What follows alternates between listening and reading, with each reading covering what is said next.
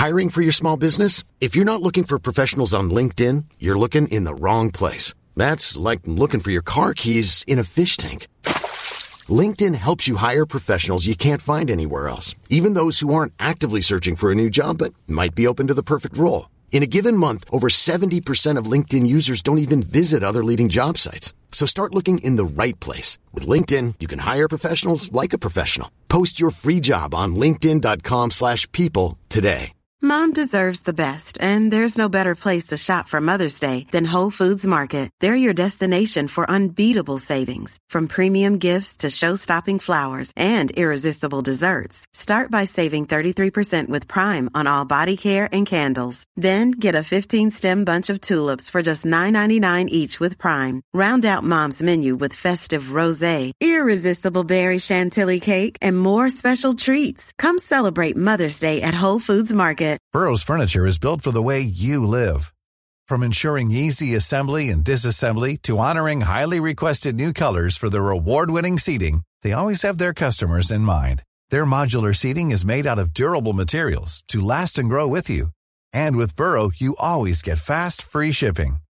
Get up to 60% off during Burrow's Memorial Day sale at burrow.com slash ACAST. That's burrow.com slash ACAST. burrow.com slash ACAST. Er du klar for pod, Øystein? Veldig glad for pod. I dag en merkedag. Hengeren er godkjent igjen, og bruksforbudet oppheva. Så nå er det bare ut og jakte bil, altså. For nå er hovedarbeidsverktøyet på hjulet igjen. Ja, og jeg er akkurat motsatt sted. Den som skal trekke hengeren, er nærmest dødsforklart. Ai, ai, ai, ai, ai.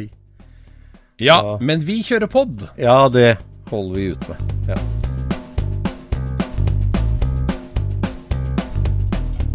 Du lytter nå til Scootspodden, en norsk podkast om klassisk bil med Jon Roar og Øystein.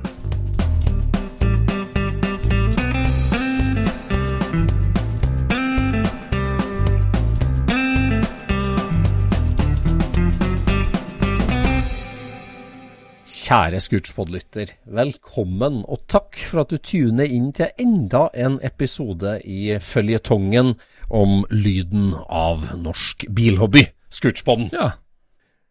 Det nærmer seg Oslo Motorshow, det nærmer seg stand og et møte med stadig voksende hærskare av hyggelige lyttere.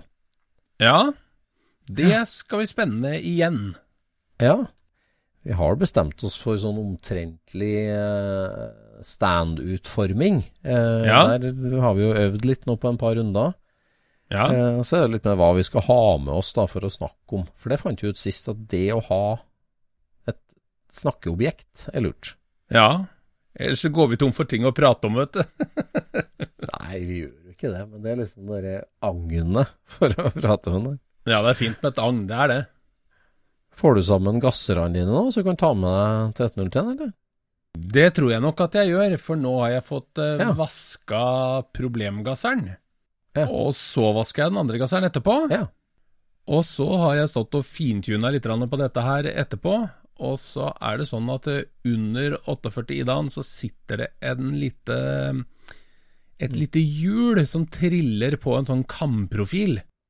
Og det der sånn, det skal eh, flytte på skvørteren, eller akselerasjonspumpa, Mm. da. Og hvis du ikke smører den, så slites det hjulet til, og så blir det helt flatt. Og sånn er jo disse gasserne her, da. Mm. Heldigvis da, så har vi tilgang på fullt Weber eh, delelager gjennom gasolin, så derfor så har jeg bestilt nye sånne. Oi, det ja. Så nå skal jeg plukke det der helt fra hverandre, og få det der eh, helt på stell. Oi. Ja, det, Så det der er jo Det der er egentlig den ene vårklargjøringa jeg gjør med Caliceren min. Det er at jeg kjører en VD40 Dash Inni eh, imellom traktene, helt nederst på Ja, du gjør det, ja. Det var lurt. eh, Ja, jeg gjør det. Mine har Ja, alltid det- vært flate. Det har alltid vært ja, ja. et punkt hvor det har vært uh, helt flatt. De gasserne mine er jo de gamle til Hans Dalbekk. Å ja. Aha. Han var jo en Ja, den som var med i den svenske Ja, det stemmer, det er de. Ja, det er jo noen gamle italienere som satt på racebygging til eh, Hans Dalbekk, da. Ja, ja. De var eh, allerede sånn slitt når jeg fikk de, rett og slett. Men nå blir det jo helt nye, fine ruller der. Ja. Så at du var på jakt etter en rett aksje og fant du noen bøy på den akslingen? Ja, altså, dette her er jo den akslingen på den sida av motoren som det brant. Eh, Ja. For eh, når det brant der, så trodde jo ikke jeg egentlig at den eh, spjellaksjeren skulle ta noe skade av det. Men nå som jeg har stått og så fikla med dette her og prøver å få begge spjella til å tette helt 100, da, så får jeg liksom ikke det ene spjellet til å tette helt. Så da har jeg fått en mistanke om at, eh, at det faktisk kan være noe gærent med den ene spjellaksjeren, da. Så da tenkte jeg at jeg skal prøve å få tak i en ny sånn. Ja. Og bytte den også, så man får den uh, helt strøken igjen. Fordi at uh, jeg syns det at uh, dette her er en stor del av Calluc-hobbyen, det er å holde på med disse gasserne. ja. For det er en sånn typisk ting eh, på noe som jeg ikke nødvendigvis er god til, men som jeg kan bruke lang tid på å få til likevel. Mm, mm. Det er jo ikke akkurat sånn at det går på skinner når jeg holder på med de greiene der, sånn, men eh, hvis jeg tar det rolig og systematisk, så blir det helt ålreit, og jeg kan få det til sjøl. Ja, for det, det er jo det som er forgasserjobb, det er å ta det med inn på kjøkkenbordet med godt lys og demontere i biter, og bare ta tida til hjelp, én bit om Ja. gangen. Det er jo Ja. det som er veldig mye av det rett og slett. Ja, så det er jo å Og- få fintune alt det mekaniske, for det er jo den minste lille skjevhet som er problemet. Altså, idet den liner opp, så er den jo i orden. Det er veldig Ja, det er både enkelt og vanskelig på en gang. Mm. Mm. Men det er jo ikke magi. Nei, altså. Nei, det er ikke magi. Men det er klart, 48 ID av Weber, italienske Weber 48 ID, de er jo egentlig lagd for en Ferrari-motor, ikke sant? det? Det var vel en Eh. slags eh, universalforgasser som var laga til store uh, italienske V8-ere. Uh, de første var vel 46 millimeter. Ehm, men eh, Porsche brukte jo de, vet du. Og Ja. de havna jo også på disse her eh, salsgitterboblene. Altså Folkevogn hadde jo et bitte lite raceteam med tre-fire Ja. bobler. Eh, så brukte de 46-ene. Så de brukte jo Ja, Mm. Salzburg, ja. Eh, så de brukte jo de der, og så etterpå så ble den jo 48 millimeter, og da havna den jo på eh, Ford GT40 og Cobraen videre. Ja, og de er liksom så Det er så rart her, for at du har liksom eh, du, det, det er mer som en, en sånn særklasse. Det er liksom en litt sånn annen ting enn en gasser. For du har liksom en million varianter Solex Weber fra Ja. liksom 20 millimeter og hele Ja. veien opp. Og så kommer liksom den storebror 48 Idan. Den er liksom så mye større, så mye grøvere, enklere. Den gir liksom et sånn annet inntrykk. Den er en sånn Ja, det er en grov kikkert. Ja, det liksom. er det det. er ikke en sånn uh, intrikat Ja, og så er den jo sånn Den er at liksom eh, den er sånn- jo så stor at du skjønner jo på en måte at den er ment for mye større motor, for eh, Mm. løpa sitter jo så langt fra hverandre. I en folkevogn så skulle Mm. jo de sitte i nærme hverandre, eh, sånn at innsuget kunne bli kortere og mer rett på. ja, ja. Mm. Men den har jo det flottørkammeret midt imellom løpa, og da blir den veldig brei, og han blir veldig svær. Mm. Og du skulle jo ikke tro det gikk an å kjøre en liten folkevognmotor med sånne, men det går faktisk ganske fint. Ja.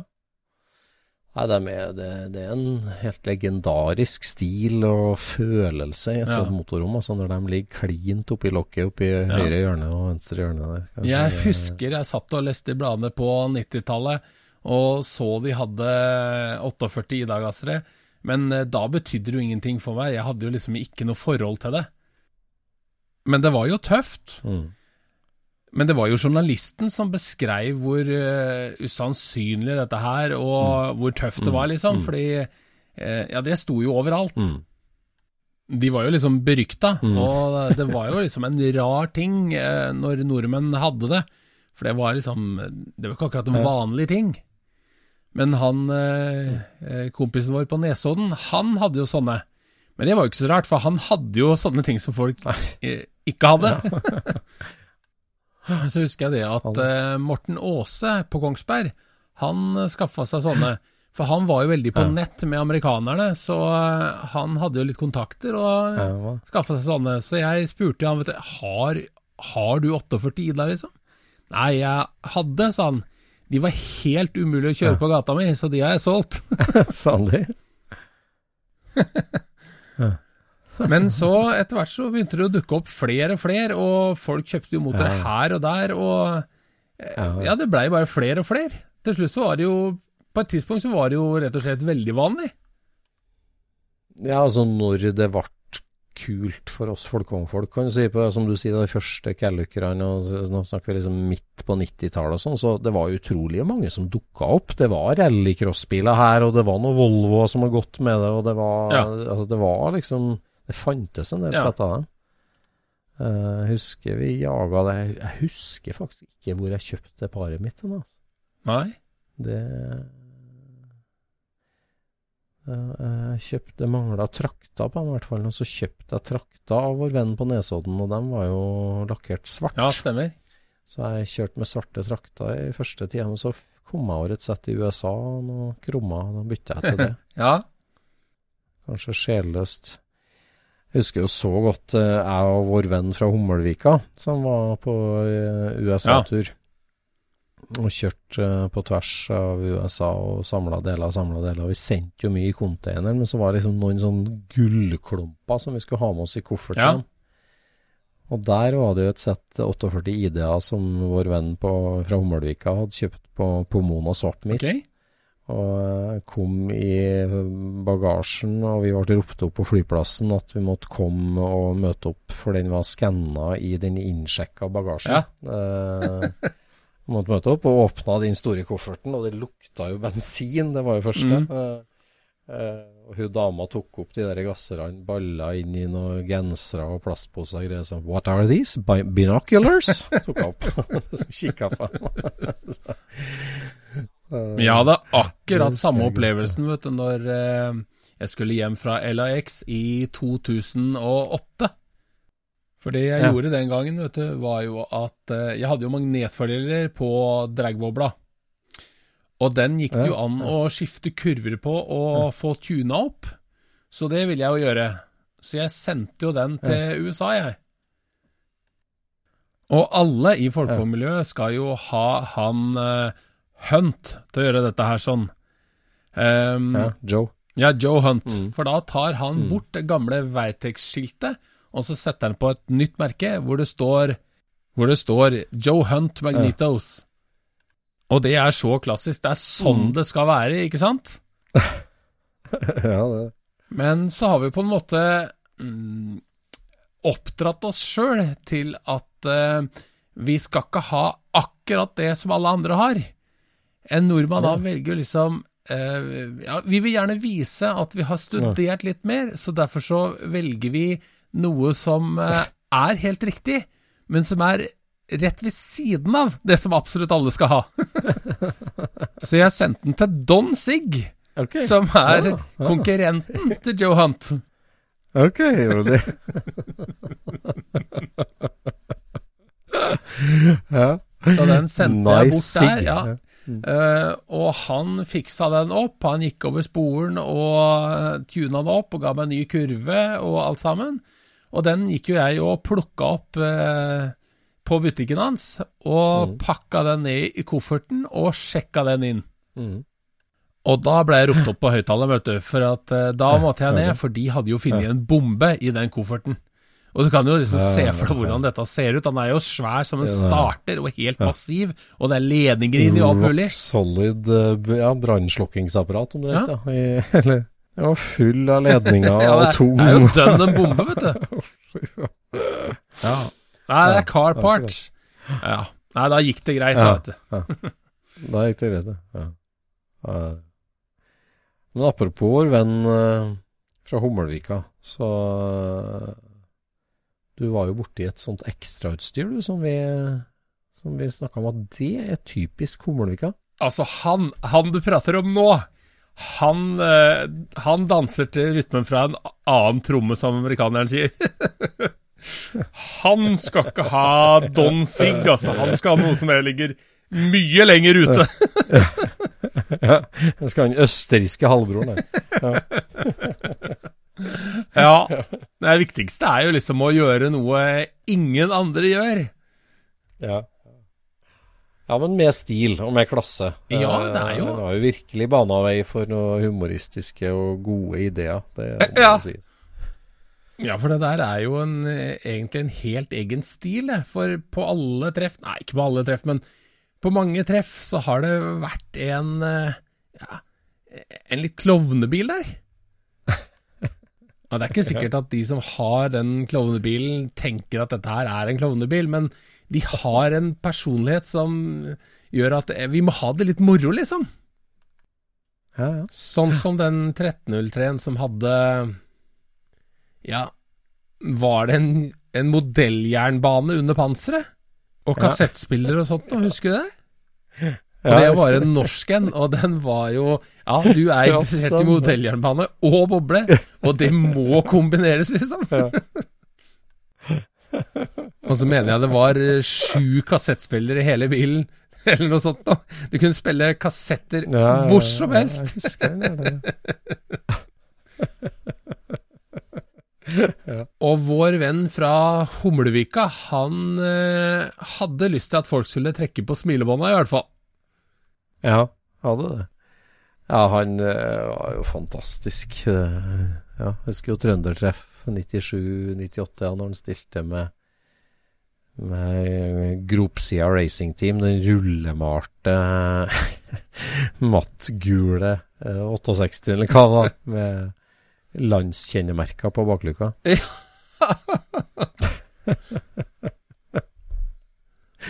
Eh, fin bil. Eh, Finland, Italia, Belgia. Nigeria. Nigeria? Ja, ja, N. Ja, fin var jo Finland. Ja. Altså Belgia og IL. Det var på det er én. Fi. Fin er jo det Finland, og så var det ja. Belgia, Italia, Luxembourg. Så han hadde jo klart å, Ja, det å stave 'fin bil' bak på bilen med sånne landskodklistremerker. Og så hadde han jo racingnummer på bilen, hvor det sto 101, og som en liten tekst ute. ja. 101 ute. Altså. Og så hadde du med seg mekanikeren Stokkbakk, som var en gammel Levis-bukse fylt med byggeskum. Og sko, ja! ja, og sko.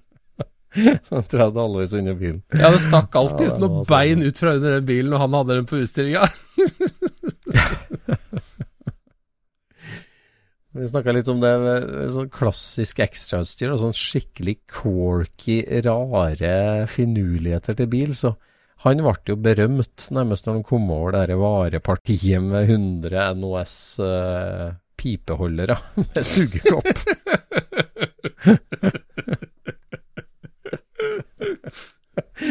Som en begynte å starte et sånt salg av.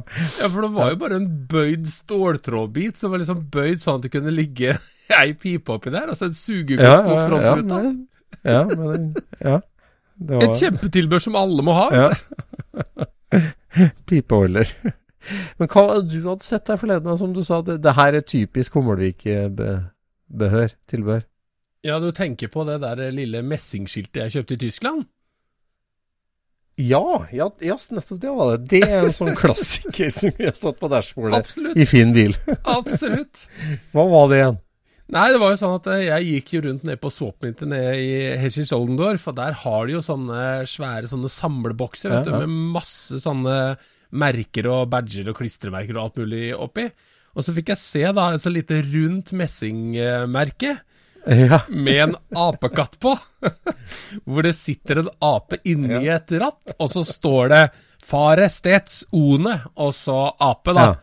Så det må vel da bety eh, kjør alltid uten apestreker, har jeg tolka det sånn, da. og det er typisk en ting for vår venn i Hummelvika. det er jo litt sånn humor fra gamle Ja. dager. ja, ja. Ja, husk å ikke kjøre som en apekatt, ja. Så har du et skilt Så har du et skilt som du nagler på dashbordet, liksom.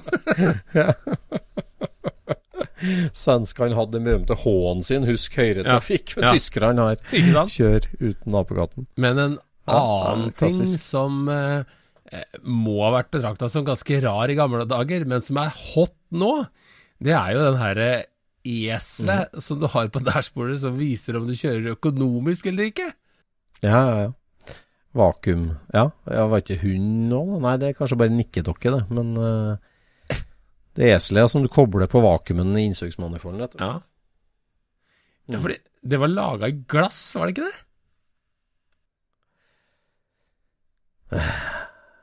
Jeg mener den var gjennomsiktig. Det er i hvert fall da sånn at den, eh, den står vel når det er bra vakuum, og Mm. så setter den seg ned når du kjører eh, Hvor du har eh, mye gasspådrag, da.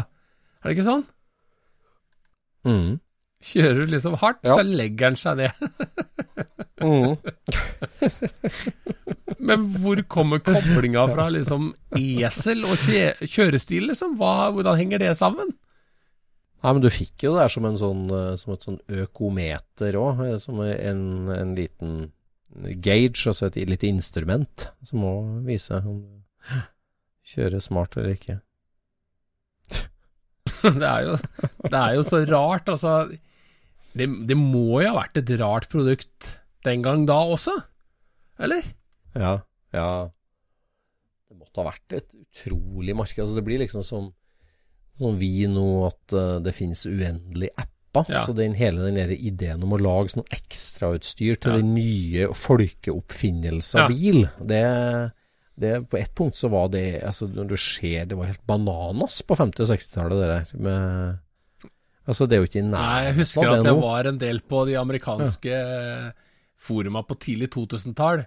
Og der var det jo liksom litt prat om ekstrautstyr og sånn forskjellig. Og da var det en som gjorde det poenget at eh, det er, det er en forskjell på rare and desirable. Fordi det er eh, Det var dritt den gangen, og det er eh, dritt nå. Det er derfor ingen kjøpte det noen gang. Ja, det er jo en av de Ja, det er jo litt eh, antieksempel, da, men det er en av de dyre ekstrautstyra til Folkekongen er jo det askebegeret du trær ned på girspaken. Og det har alltid slått meg liksom at du skal slenge rundt på aska i bilen når du girer. Det Ja, er ja, litt ja, sånn upraktisk. Men uh, det var en måte å plassere det på. Ja.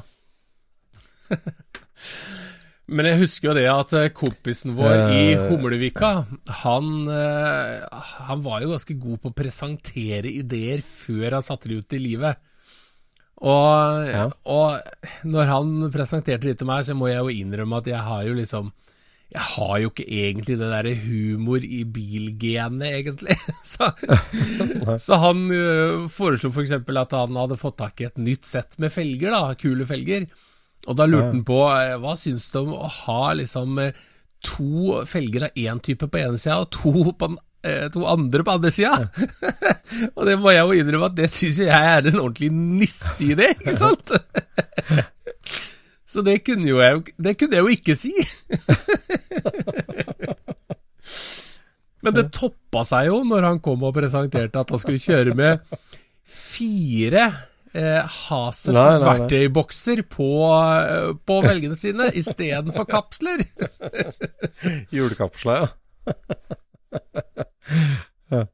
Ja, for det var jo noe du fikk kjøpt til Folkånd, ikke sant? En, en, eh, en verktøykasse fra Haset som var rund, som passa inn der kapselen skulle stå, på reservehjulet under panseret, ikke sant? Lukket opp der, så hadde du litt forskjellige verktøy, ikke sant? Og disse her er jo dritsjeldne. Men han, eh, kompisen vår i Humlevika, han var jo så god til å samle, Ja. ikke sant? Så at han hadde jo selvfølgelig da et overskudd av sånne.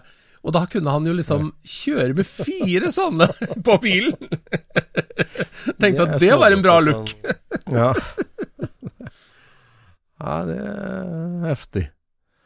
Nei, han eh, Vår venn fra Omelika var god til å finne ting eh, før internett òg. Ja.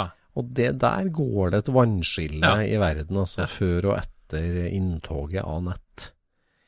Så, så det med å ja, jakte rundt på trønderske landsbygder, eller amerikanske delemarked, som vi òg gjorde mye av sammen, så så var han en eh, racer, altså, på å Ja. høste opp i tips og komme seg inn på ting. Også det der med å jakte på internett, der blir du egentlig han som kommer nummer to alltid. For det er jo veldig sjelden at det er han fyren som hadde det på loftet, som er han som legger ut på nett. Så prisen har jo allerede spredt opp litt grann allerede. Ja. Men utvalget har jo blitt mye bedre.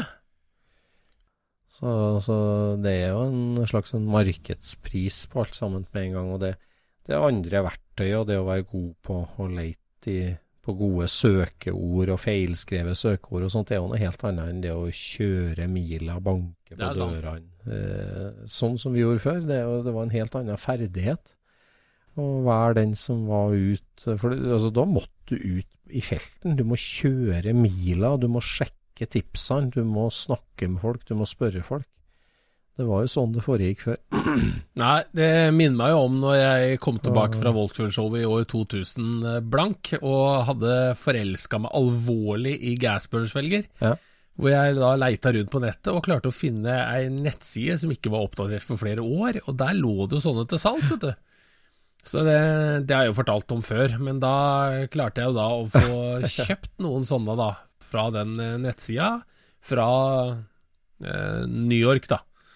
Eh, og der hadde jo ikke liksom folka helt fått med seg hva som hadde skjedd på prisene siden de hadde lagt de ut, da.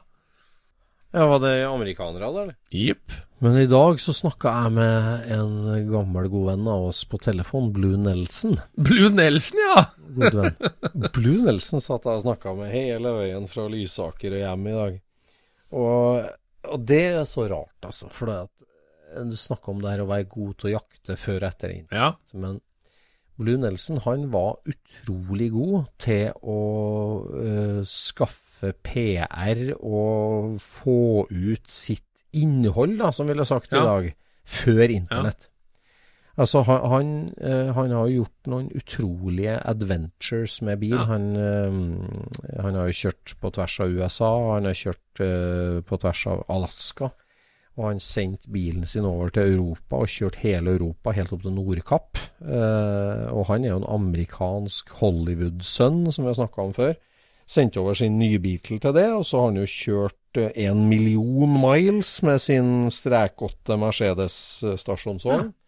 Eh, rundt om hele så har han vært på utallige bussturer i grisgrendte strøk oppe i Canada. Han har, så han har gjort så mye rart. Ja, ja. Si, med, og og han var liksom sånn Han var så god på å komme i blad eh, og bli lagd film om, eh, kom i bøker, at han ble liksom beskyldt for å prøve å ta Hollywood inn i bilhobbyen eh, Såpass, ja. før internett. For at liksom faren var jo en slags regissør i Hollywood, og han liksom Ok, han ble ikke noen skuespiller, men han skulle liksom bli en slags stjerne der. Altså, altså, det var liksom litt sånn der eh, ondskapsfulle rykter. Men, men eh, han Blue han var kjempegod på media eh, pre-internett. Men han er ikke noe god på sosiale medier eh, etter internett. Nei. Han har valgt å stå utafor eh, hele Instagram, Facebook, eh, sosiale medier. Han er ikke på det i det hele tatt. Syns du det er noe bra valg, eller? Mom deserves the best, and there's no better place to shop for Mother's Day than Whole Foods Market. They're your destination for unbeatable savings, from premium gifts to show-stopping flowers and irresistible desserts. Start by saving 33% with Prime on all body care and candles. Then get a 15-stem bunch of tulips for just $9.99 each with Prime. Round out Mom's menu with festive rosé, irresistible berry chantilly cake, and more special treats. Come celebrate Mother's Day at Whole Foods Market. Burrow is a furniture company known for timeless design and thoughtful construction and free shipping, and that extends to their outdoor collection. Their outdoor furniture is built to withstand the elements, featuring rust-proof stainless steel hardware, weather-ready teak, and quick-dry foam cushions. For Memorial Day, get 15% off your Burrow purchase at burrow.com slash ACAST and up to 25% off outdoor. That's up to 25% off outdoor furniture at burrow.com slash ACAST. Nei, altså det er så veldig rart, for at han er jo en av dem jeg kjenner som eh, Det er så teit å bruke det influenseruttrykket, men sånn lage content. Altså som gjør spennende ting som andre har moro av å ja, se på. Ja. Det, da, det føler jeg liksom Det er ingen influensere som gjør det, omtrent, for de gjør ikke noe spennende ting. Men de, det de gjør, skriver de om. Men han, han, han gjør jo spennende ting. Han, han øh, Altså, i våres så solgte han en eh, Eller i fjor vinter så solgte han en eh, Carrera Speedster. En Carrera Eh, som- Speedster, faktisk. en Carrera Speedster. Han arva etter faren sin en del biler. Som han er død nå, faren. Og, og eh, den ene bilen som faren hadde hatt på en måte kortest tid og ikke hadde så mye forhold til, det var en ekte Carrera Speedster. Ja. Som han solgte for type Ja, jeg vet, jeg vet ikke hva han fikk for den. 700 000-800 000 dollar, kanskje? Eller noe sånt. Ja. Jeg fikk den for, for den bilen. Og en av de tingene han gjorde med det, var at han kjøpte drømme-Bentleyen sin. En diger førkrigs-Bentley som var verdens første bil med skyvedør. Eh, Med skyvedør? En sånn coach. Ja, det, det, det, er en, det er en åpen kabriolet coachbilt Bentley med ei skyvedør. Skyvedører Altså, er veldig hot, det veit du jo. ja, nei, han, han hadde en slags hangup på det. Og, og den bilen kjøpte han i London, stått på museum, flyr over, setter seg inn og kjører til Nord-Irland for å besøke første eier, Ja. som fortsatt var Ja. i live. Og en sånn roadtrip, da, med en bil. Så det er jo én ting. Um, men hvorfor snakka han om det? Jo, for at altså, han, han gjør så mye spennende, artige ting, men, men det er liksom sånn Ingen får vite om det. Han, han, han, han øh, For at liksom de bladene som skriver velvillig om sånt, de uh, finnes ikke lenger, eller Nei. skriver ikke om Nei. det. Og, og han har ikke med seg noen som filmer det der til Instagram, eller sånn, så han, han gjør det. Og så var det så pussig, for at han, han tok en del av de pengene, og så kjøpte han seg da sin drømmebil, eh, en split window Porsche Ja. eh, en kupé med delt frontrute. Og det har han holdt på jakta på i mange, mange år. Aldri hatt liksom penger eller riktig bil, og så plutselig hadde han penger, og så valgte han ut, fant han ut alle som var til salgs i verden, en sju-åtte stykker, og reiste rundt og kikka på alle de sju-åtte. Mm. Og så valgte han ut å kjøpe en som var nede i Sør-Frankrike, som har vært i U... Altså, den var solgt ny i Hellas, gått mange år i USA, kom til Europa, helrestaurert i Frankrike, fin restaurering. Eh, men i burgunder var den bilen. Den var originalt Adria-blå, altså sånn sølvblå metallic. Og så kjøpte han den i Sør-Frankrike og ringte meg og var i ekstase over det der. Og jeg skal kjøre den opp til Norge, så kan vi kjøre splitt-Porscha sammen, liksom. Det har vært artig. Og Nordkapp, eller så tenkte jeg, jeg vet ikke om vi skal kjøre så Nei, han var liksom klar for eventyr. Og så sa han det at ja, jeg har kjøpt den, men jeg har bestemt meg for å beholde den i Europa, og så skal jeg få lakkert den neste vinter, for at jeg vil bytte farge tilbake til originalfargen, Sånn sa han. Men jeg har så lyst til å dra på tur med den, Øystein, men altså, jeg vil jo ikke at alle de liksom bildene jeg tar, for han tar bilder sjøl, og som har også sett det i album, gjør han. Okay. Så alle de bildene jeg tar, de, de blir jo da av en burgunderbil. Og så, og så blir det liksom den bilen jeg skal beholde til jeg dør, den blir jo sølvblå metallic, for jeg skal lakkere den opp igjen. Eh, Men jeg har ikke lyst til, jeg orker ikke å vente til jeg har fått lakkert den med å starte på første adventure, liksom. Altså, så bare ok, det var litt av et dilemma, på en måte. Men så tenker jeg liksom, ja, ja, han er en ivrig amerikaner, jeg vet ikke helt hvordan det der går. Og det her, denne praten hadde vi i juli, kanskje. Da hadde han, Ok. han vært over, kjøpt bilen, den sto der. Liksom, nå må jeg på eventyr med den. Altså, ja vel. Eh, så tenkte jeg liksom, det blir ikke mer av det der der. Jeg har ikke hørt så siden ja, det er et pre-A-møte i Østerrike i eh, september. Eh, da skal jeg fly over igjen, og det skal jeg være med på med bilen, sier han. Eh, og så eh, visste jeg jo det møtet var, og, og det ble jo havna mye, ganske mye bilder på nett fra det Prea-møtet. Det var 40 Prea-biler som møttes i Salzburg. Ja, og alle ja. dem. Og så drev jeg og kikka der etter den burgunde bilen til en Blue, og så tenkte jeg nei, jeg så ikke på noen bilder. Det var liksom i bakgrunnen på ett bilde, så kanskje det kunne ha vært den bilen, men jeg kjente ikke igjen skiltene. Så tenkte jeg det ble kanskje ikke noe av de planene. Mm. Og det her er jo tre uker siden. Og så, og så ringte jeg i dag, da, bare hør litt, tenkte liksom Står alt bra til? Det, jeg så, så deg ikke på Prea-møtet, liksom. Så ringer jeg til han Ja, han var i London. Å, i London? Eller i Europa? Så ja, ja, ja.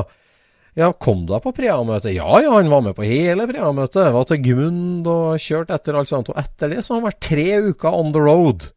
Ja vel? Ja, med splitt-Porschen, liksom? Ja, ja, med Prea-Porschen. Så han hadde kjørt opp til Praha i Tsjekkia.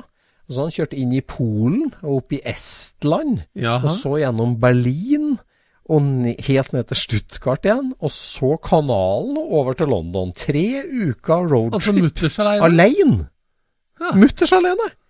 Med altså en split window, helt strøken Porsche. Altså, den er sånn nuts and bolt-restaurering som ingen ville egentlig tenkt at skulle være på en sånn tur. da. Men han har altså besøkt masse historiske plasser, og nå drev han og, og stalla han unna til vinterlagring i London. da. Og, og håpa han fant noen der til å lakke, bytte farge på han, for til sommeren så skulle han kjøre til Aten, der bilen var solgt ny. Han tenkte. Ja. Så tenker jeg liksom Så kul historie, ja. og så artig greier. Eh, liksom, lag deg en Instagram-konto, så du kan følge med på noe. Men så tenker jeg liksom så trist at jeg tenker sånn at har jeg ikke på Instagram, så har det ikke skjedd. Nei, det skal jo ikke være sånn, heller. Ja. Men her mener jeg jo at det er en innmari god uh, anledning til å dytte i svinghjul, jeg, da. Ja. Fordi uh, når han ikke deler noen ting av den turen her sånn, så er det jo liksom Tenker han ja. at han ikke har lyst til å dele dette her i hele tatt? Nei, nei. Nei, for det at eh, Nå forteller jo du jo historien hans. Han vil nok det, så. Han, han, han, ja. han vil gjerne Ja, så han vil jo eh, oppleve det sjøl. Og når han eh, er ferdig med den turen, så er det på en måte bare han som har hatt glede av det. Mens egentlig ja. så burde jo han inspirere andre til å gjøre denne turen sjøl. Ja, jo, det er sant. Nei, altså, han, eh, han, eh, han har en sånn Han liker å bli snakka om, og han liker at, eh, at, folk oppdager det han gjør. Det gjør han, men han, han gjør ingen markedsføring sjøl, altså. Og det er egentlig veldig utippa, for han er typen som du kunne godt si i 1992 at han trenger en sånn talerstol som TikTok har blitt, da, eller Instagram har blitt. da. Det, han trenger ja. en sånn som Men han, han, valgte å liksom ikke henge seg på det der. Og, og gjør ja. masse spennende, rett og slett. Men jeg husker jo det at det var en god stund du gikk på Facebook òg. Ja, det var noe Hva var det? Var det to måneder, eller? Ja. To? Nei. Nei, jeg mener når du begynte. Ja, ja. Da var du ikke på. Nei, det er sant. Da vet jeg meg. Nei. Du hadde jo ikke noe tro på det, at det kunne være noe bil der. Nei, jeg, har, jeg følte liksom jeg har, jeg har ikke tida til å være med på Facebook, for jeg har så mye jeg driver med, at jeg har ikke tida til det der. Og det har du jo helt rett i. ja. Nei, men altså, når du sier det sånn nå, så tenker jeg hvis det er ingen nå sier at kan du sende meg noen bilder, så legger vi ut litt av det, for at eh, vi har snakka om det i poden og artige folk, så får jeg helt sikkert bilder fra ja. turen, og vi kan legge ut. For, for han, han, liker det så blir snakka om. Det har vært litt gøy, da. Så jeg må få ut det. Men det men sånn som når han er ute og kjører med denne bilen her sånn, og gjør denne her eh, episke reisa, liksom Altså, rundt hver sving og på hver bensinstasjon så mm. møter han jo folk som drar en eller annen skrøne og forteller noe om og, Altså, det skjer mye rart langs veien når du kjører gammel bil, ja, ja. og du møter masse interessante folk, mm. ikke sant? Så det blir jo en veldig mye mer ærlig opplevelse ja, det, det, enn eh, å være influenser og sitte på Instagram og dele kule fotovinkler fra egen garasje, liksom.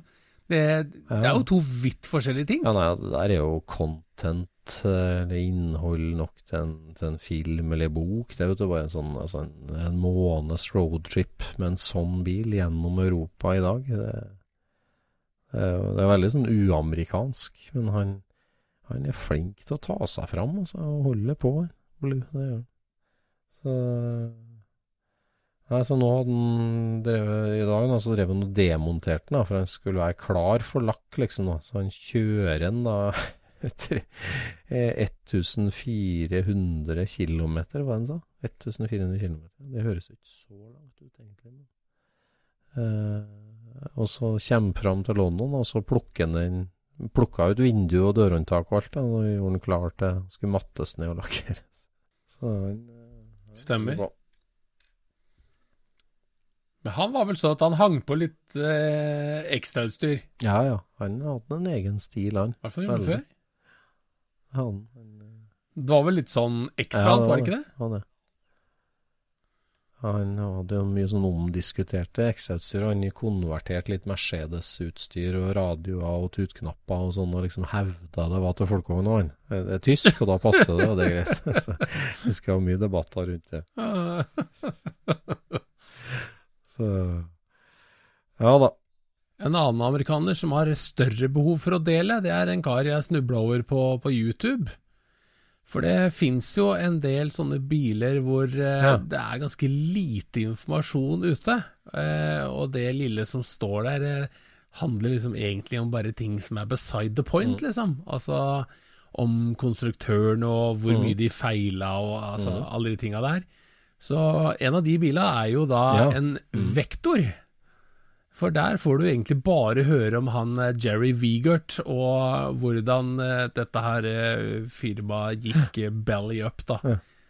Um, men godeste Jerry, han holdt jo på hele 80-tallet. Han begynte jo faktisk på 70-tallet med å liksom bygge drømmebilen, da. At dette skulle liksom bli det ypperste av alt, ikke sant? Men det virker jo liksom som det er bare sånn uh, marketing-hype, ikke sant? Uh, Så derfor så er det liksom Jeg føler at det er litt vanskelig å finne informasjon som forteller hvordan det egentlig var. Du får liksom bare høre at dette var sånn midt på treet, liksom. Jeg tenkte at uh, det må jo være noen som har restaurert en sånn. Altså noen på YouTube som liksom går gjennom absolutt hele bilen og viser fram alle detaljene. Og da fant jeg en kar som har Vektor V8 Garage. Og det er en fyr som rett og slett har jobba hos Vektor. Og han her, han blei jo vektorinteressert eh, som eh, bare guttungen. Så når han var eh, 14 år, så ringte han jo til fabrikken, og han bodde jo i Midtvesten, han det er her sånn. Så han ringte til fabrikken og spurte om han fikk lov å komme bort en tur. Og de tok eh, imot den, de, så da han eh, fløy over, og de henta han på hotellet hans med en vektor og kjørte den til fabrikken. Viste fram hele produksjonslinja, og når han var ferdig med skolen, da flytta han til California og begynte å jobbe hos Vektor. Det er litt kult, da. Og han er det faktisk den eneste som har jobba på Vektor, som har en Vektor i garasjen. Yes. Og han går gjennom bilen eh, del for del, eh, episode for episode, men han er jo litt sånn på innsida, ikke sant, så han eh, Ja, den må være bra, den bilen. ja, han forteller ikke nødvendigvis alt som er dårlig. For eksempel så er det jo masse folk som prater om at det er en gammel Toronado girkasse, ikke sant, i de bilene. Eh, og det var det jo, men han poengterer jo at det er jo bare girkassehuset som er igjen, og prinsippet, liksom. Så den var jo kraftig modifisert, da, ifølge han. Men ikke sant, folk ble jo ikke akkurat kjempeimponert over en trestegs automat i en supersportsbil.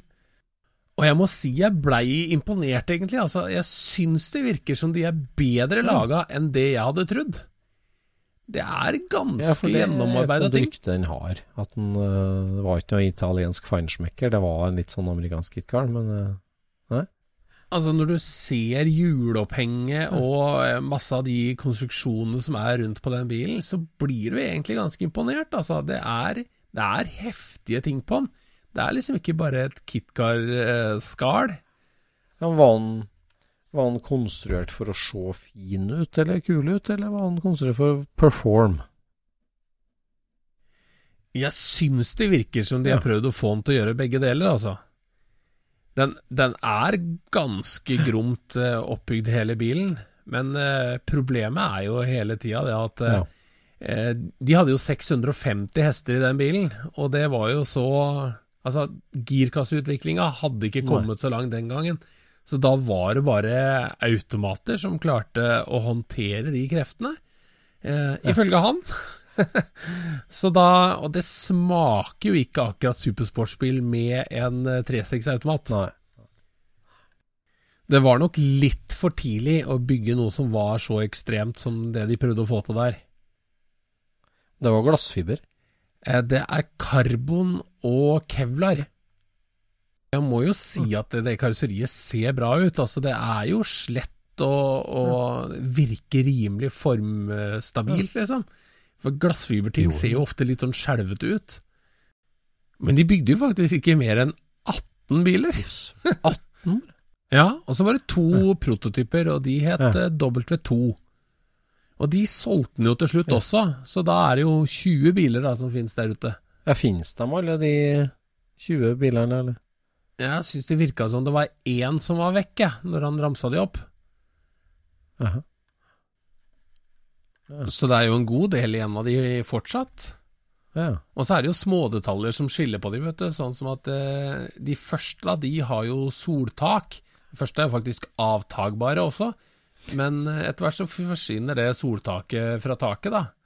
Og de første hadde jo sånne louvers foran frontløktene som bare vreis, eh, vrei seg horisontalt, sånn at Ja. eh, lyset kunne liksom lyse ut gjennom eh, sprossene. Men det fikk de ikke lov å ha, så de seinere de har bare sånne svære luker som bare legger seg ned, da, sånn at løkta blir blottlagt, liksom. Ja. Så det er jo ganske kult. Og så er en oppdaga jeg en ny detalj som jeg ikke har hørt om før, Oi, og det er at felgene er laga av Boyds. Yes. Ja, det er ikke laget noe sånn kitcar av vektoren, da? At folk har bygd kopier, på en måte? Eller? Det vet Altså, jeg ikke. På et annet chassis? Men det blei jo et sånt hostile takeover der, vet du. Fordi eh, når du har drevet og prøvd å lage supersportsbil i, i nesten 20 år, da er det nok litt røde tall på, på banken. Så der kom det to sånne ja, sånne, to playboyer da, som hadde lyst til å ha et eget bilmerke. Så de klarte jo da å lure til seg hele Vektor, da. I tillegg til at de klarte å kjøpe Lamborghini.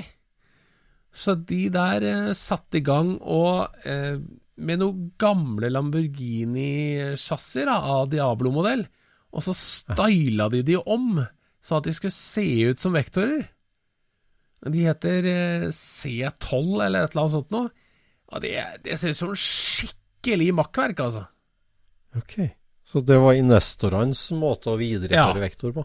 Og det blei Ja. bare rør. Oi. Det er egentlig bare kupeen som ligner på, på den originale. Ja, hvor mange lagde de av det, da? Lambo-vektor? Det veit jeg ikke.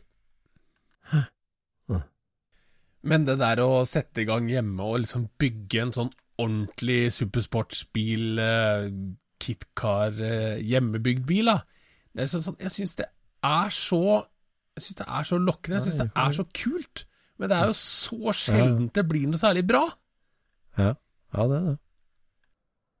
Ja, det er som du sier, at den, der, den norske velkjente Stranden Skorpione er jo en av de som er hjemmelaga, men pen. Ja, den er jeg virkelig imponert over, altså. Den ser bra Ja. ut. Men det som alltid feller en kitcar, det er baklysa. Ja. Jeg tror det er fordi at eh, et baklys, det skal ikke være designa i seg sjøl, det skal være en del av en større enhet. Og når du sitter på hella, så lager du bare noe som ser gromt ut i katalogen, liksom. Ja, det, ja, det blir ikke fint på en bil. Hva er galt med runde Cortina tredelt kakebaklys på en eh, RPB Piraya, da? Nei, det har jeg ikke egentlig noe imot. Det er bare det at det er så innmari lett å se at det er Cortina. Nei, jeg, jeg tenker mer på de her eh, moderne baklysa som ser ut som de er kjøpt på Wish, liksom. Det er så mye krom og bling og dioder at, at det er helt vilt. Ja, det Det er jo det å integrere baklysa i designet som er så vanskelig. Det er veldig sjelden det blir bra, altså. Vi plukka jo på Thinken, så skulle jo vi ha runde baklys. Sånn Sånn 100 millimeter. Doble runde baklys. Ja. Og plukka fra Hella sin standardkatalog. Eh, innbygde topp moderne baklys. Mm. Kjøpte inn. Uh, og så uh, fant vi ut etter hvert at uh, det var en annen bilfabrikk òg som hadde sett i samme katalogen og kjøpt akkurat de baklysene, og det var Lamborghini. Så Lambo og Think har eksakt samme baklys. Ja, det er Lamborghini Diablo, da. Den har sånne runde som sitter i en sånn pleksiplate for at det skal se ut som det er en helt designa lykt. Ja, da er det den, da sikkert. Jeg vet ikke hvilken Lambo det var. Men det er Nei. en uh, tidlig 2000-talls, sen 90-tallsbil. Men den har Så ikke sånne sirupsnipp-frontløkter. Nei, det er bare den norske designeren Stig Olav Skeie som har stått for eh, bilhistorie. Men i dag så virker det som det er fullt frislepp på lyktedesign på bilfabrikkene. Der er det Ja. bare å ja. sette i gang, altså. Full fest. Ja, ja. men LED og alt det der har gjort det til en helt ny kunstart. Liksom. Det- Ja, det- lyssignatur, liksom. Det er dritviktig, plutselig. Ja, ja. det er ikke som før. Det, ja, du, nå kan du kjenne bilen på lyset, det kunne du ikke før. Nei. Mm. Men det har jo vært biler før i tida også med lyssignatur, har det ikke det? Det har det jo. Altså, når firkantlysa kom, og, og det er klart amerikanerne med mye doble lys og spesielle sammensetninger der, det er jo Ja. Det er jo litt spesielt at i 58 så hadde jo alle amerikanere doble løkter. Ja. Ja, det der er rart, altså. Det der er sånn innsidehandel, aksjehandel. Jeg føler at alle kikka på alle, og alle visste alle liksom Ok, skal vi bli enige om at vi tør å slippe det designet her? Ja, vi slipper det sammen. Ja, men er det ikke Jeg trodde det var et lovkrav jeg, som gjorde at de alle sammen måtte ha doble løkter. Å ja, var det det, kanskje? Ja, det tror jeg det er. Ja, det, ja, det, okay, det, det høres jo logisk ut, Forresten. Jeg tror ikke det var noen som slapp unna. Nei. Nei, men altså en del sånne design features, da, i hvert fall om det var halefinner eller hva det var, at det nesten avtalt spill, at alle sammen hadde sin variant av akkurat det samme samme året. Det Ja. Det er spesielt. litt spesielt. Ja ja, jeg har kost meg. Hvilken bil var den første som hadde Continental-kit, da? Det, eh, altså, Continental Kit kontinentalkit er jo en litt sånn rar ting, egentlig, for at det er jo en Altså, det å ha reservehjulet bak hadde jo alle biler opp til Ja. 1930. Og så kom det i skjermene eh, fra ca. 30 og framover, antagelig. Ja. Og så kom det inn i bagasjerommet for å ikke ødelegge designet. Ja. Og så kommer jo den ideen at nei, vi kan jo henge det bakpå igjen, sånn som 30-tallerne gjør, for å få større bagasjerom. eh, Men eh, navnet indikerer jo sikkert at, eh, at dette her er noe fra en eh, Fra en Lincoln, vel? Altså kontin Continental-kit, eller? Ja. Nei, det har blitt gjort mye rart eh, opp igjennom. det er jo flaut at vi ikke vet på rams. Men, eh, Ja.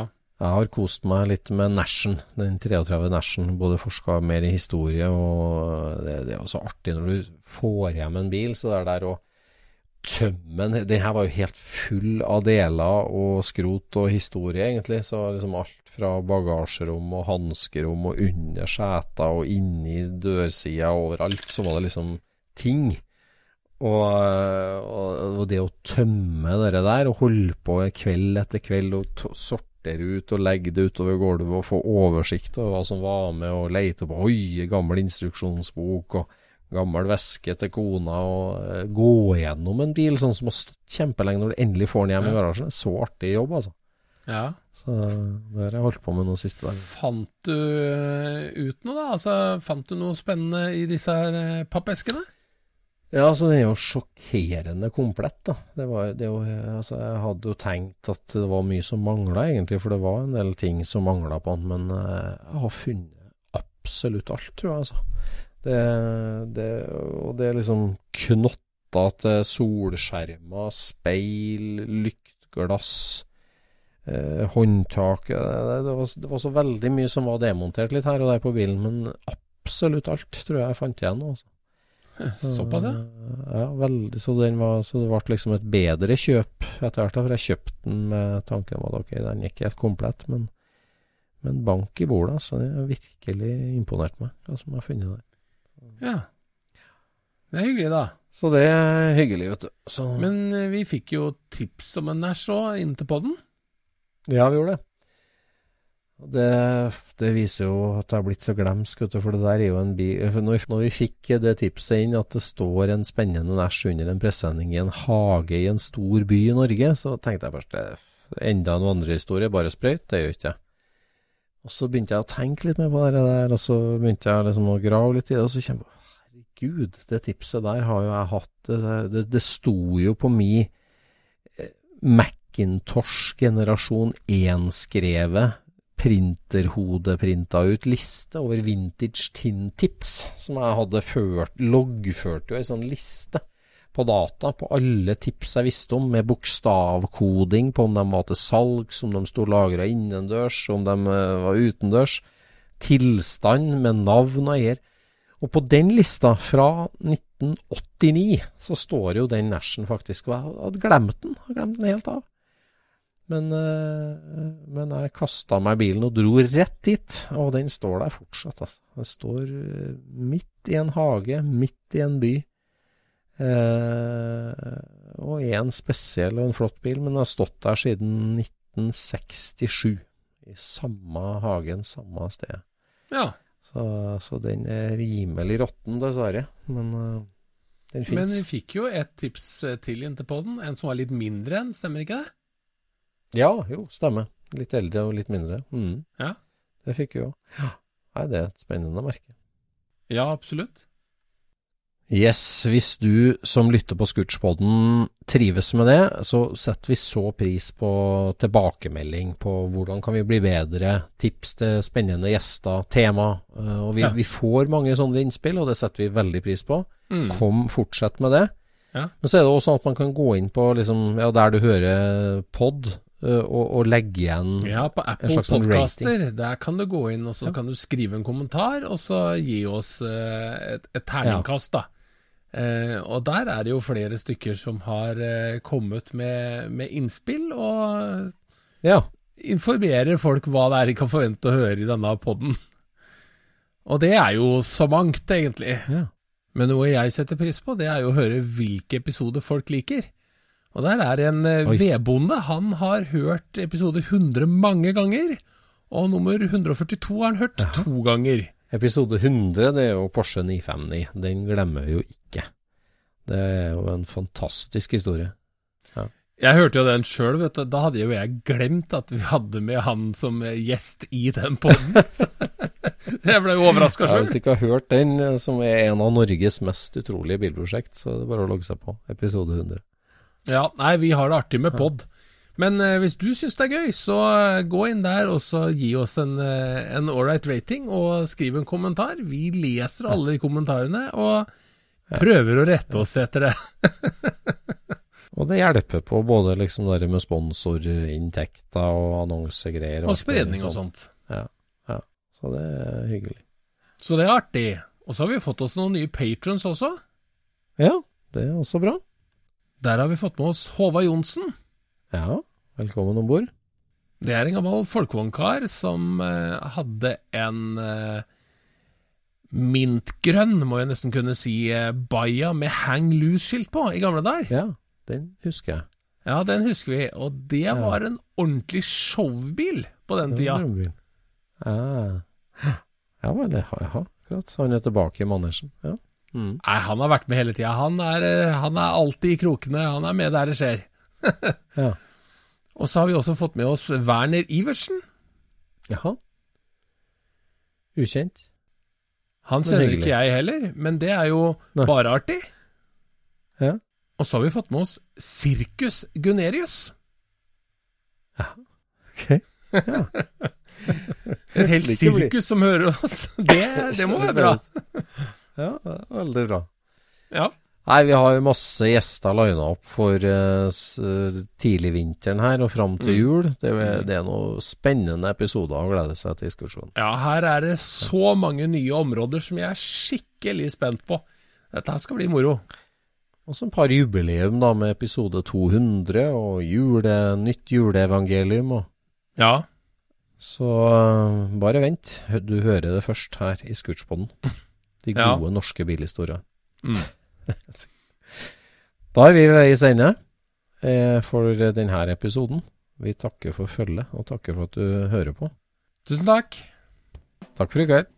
Ha det bra. Scootchpoden produseres av SSC Media, med god hjelp av VV Norge og Trond Dahl for hosting, Knut Micaelsen for musikk. Abonner på Scootchpod via podcaster eller Acast, og følg Scootchpod på Instagram og se det vi snakker om. Der kan du også komme med kommentarer og innspill, og fortelle oss hva du vil høre om.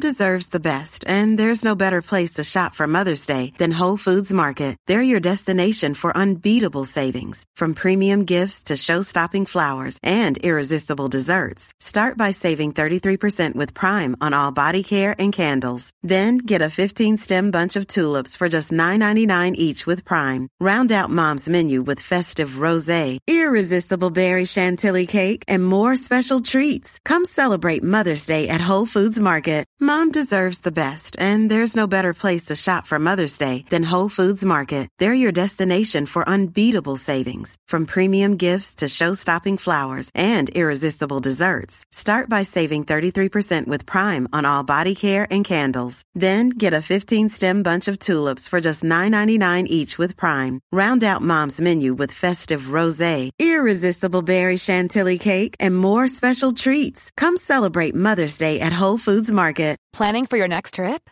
Elevate your travel style with Quince. Quince has all the jet setting essentials you'll want for your next getaway, like European linen, premium luggage options, buttery soft Italian leather bags, and so much more. And is all priced at 50 to 80% less than similar brands. Plus, Quince only works with factories that use safe and ethical manufacturing practices. Pack your bags with high-quality essentials you'll be wearing for vacations to come with Quince. Go to quince.com slash pack for free shipping and 365-day returns.